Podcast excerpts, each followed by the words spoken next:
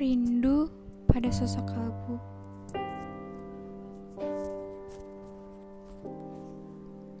Aku terbiasa berpura-pura.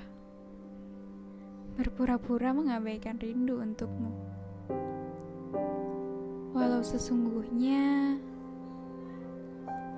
begitu banyak air mata karena menahan rindu untukmu. Mengingatmu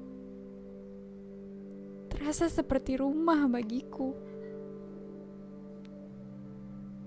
Setiap kali pikiranku mengembara, ia selalu menemukan jalan pulang kepadamu. Bayang-bayangmu memberiku waktu yang sulit.